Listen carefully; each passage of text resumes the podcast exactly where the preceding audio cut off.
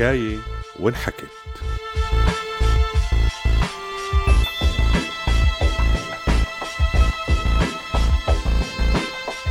برنامج بيحكي قصص سورية.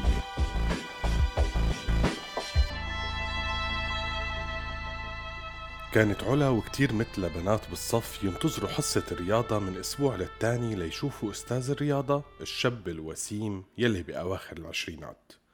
علا كانت صبية طويلة رشيقة رفيعة الخصر بتحب الرياضة كتير وكانت بتتمنى لو ما كانت محجبة لتلعب رياضة براحتها. كان أستاذ الرياضة يستنى حوالي الخمس دقايق برات الصف لحتى الطالبات المحجبات يحطوا حجابهم مع إنه علا كانت تجيها رغبات مجنونة إنه يا ريت يفوت بسرحة ويشوف شعراتي الطوال الحلوين. كانت كتير تشعر بالغباء وهي لابسة الحجاب وعم تنط لتحط الطابة بقلب السلة والأستاذ عم يراقب. يعني كل شي جواتها عم يحس بعبثية فكرة الحجاب هون. إيه صدرها عم يرج ومؤخرتها كمان مع كل نطة عم تنطها.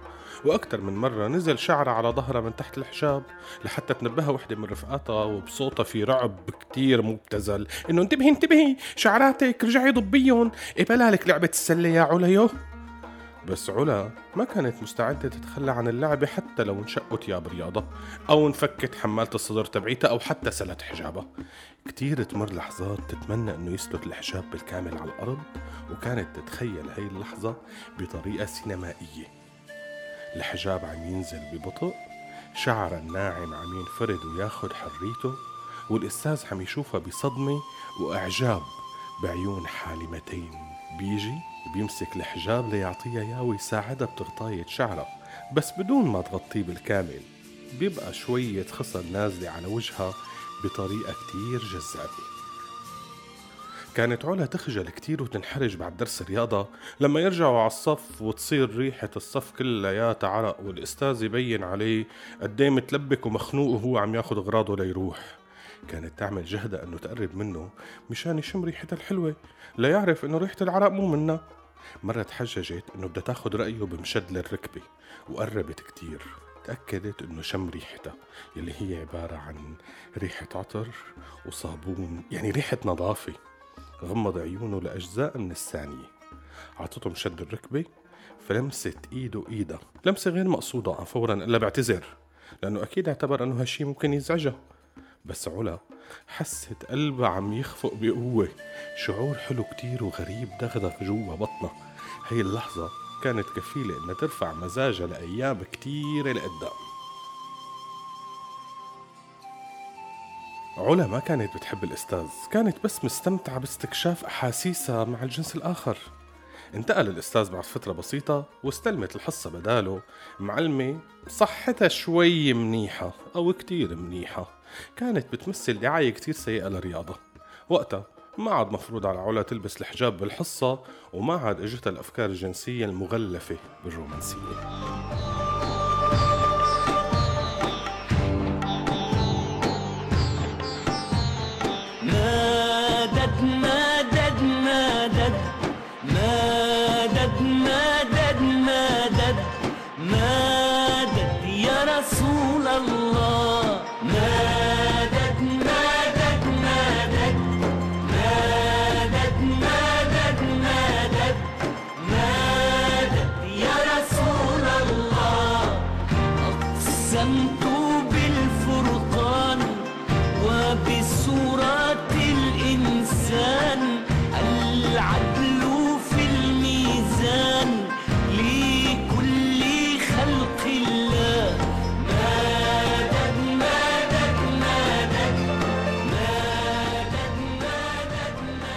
علا كانت مجبورة تحضر دروس الدين كل أربعة مع أمها وخالتها وأختها الكبيرة.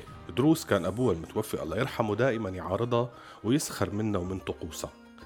كانت جلسات القبيسيات بالنسبة إلها فرض كريه ومرعب كانت تكره النظرات الغريبة الشبقة اللي تشوفها بعيون النسوان هنيك. كانت تشوف بنظراتهم إنه هي برأيهم بنت جاهزة للخطبة وبس. كانت طريقتهم المقززة بمسحة من راسها لأخمص رجليها بعيونهم المفتوحين تحسسها إنها عارية تماما. كانت ترجع على البيت وعندها رغبة حقيقية بالاغتسال. هذا شعور ما إجاها أبدا وهي عم تغازل أستاذ الرياضة بأحلامها. ولا لما قربت ليشم ريحتها رغم ترديد النسوة بالدروس بأنه هالشي إثم كبير وهو أشبه بالزنا.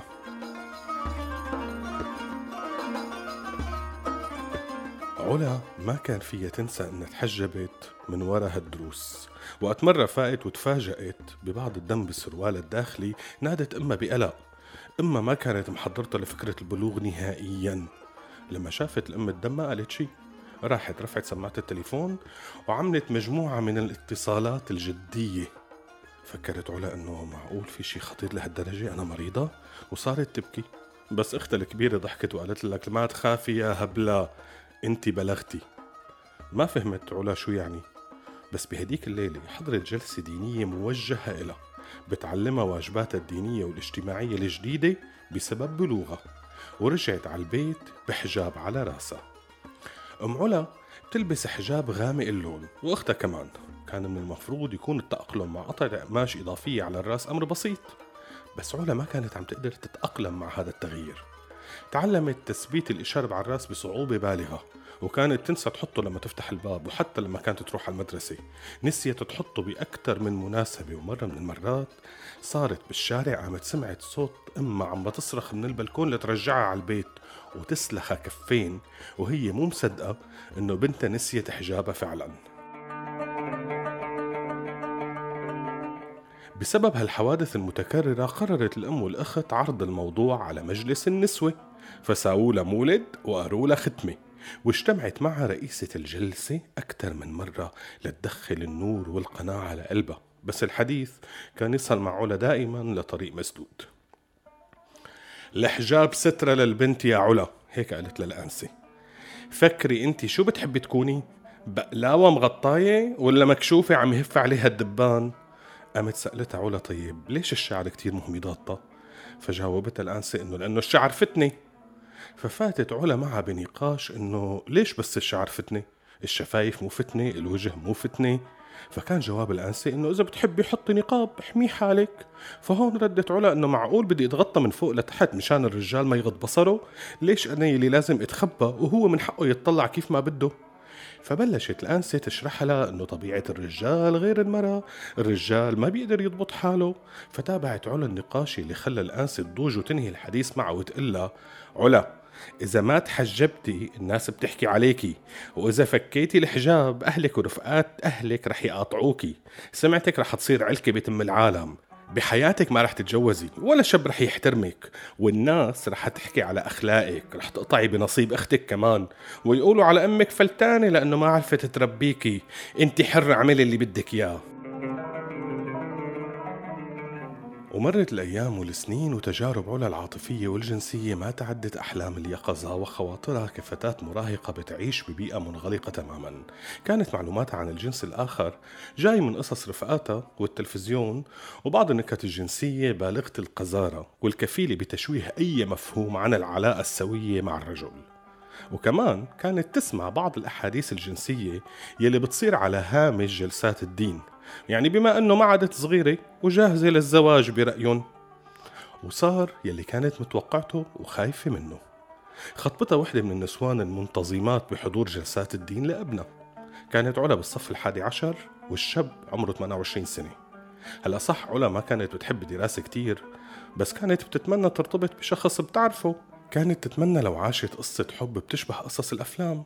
حكت لأختها هالشي بس أختها يلي كان قلبها فيه قهر وشوية حسد لأن أختها الصغيرة حتتزوج قبلها قالت لها فعلا بيعطي الحلاوة للي ما له أسنان لك اخرسي اخرسي واحمدي ربك الأفلام مو للي مثلنا. الأسبوع الجاي بنحكي لكم كيف كملت علا حياتها وشو صار معها بحلقتنا الثانية من برنامج حكاية وانحكت.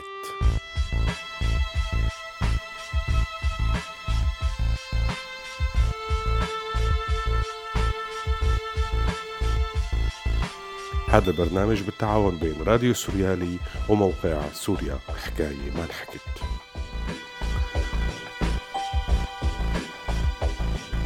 هذا البرنامج من إنتاج راديو سوريالي 2018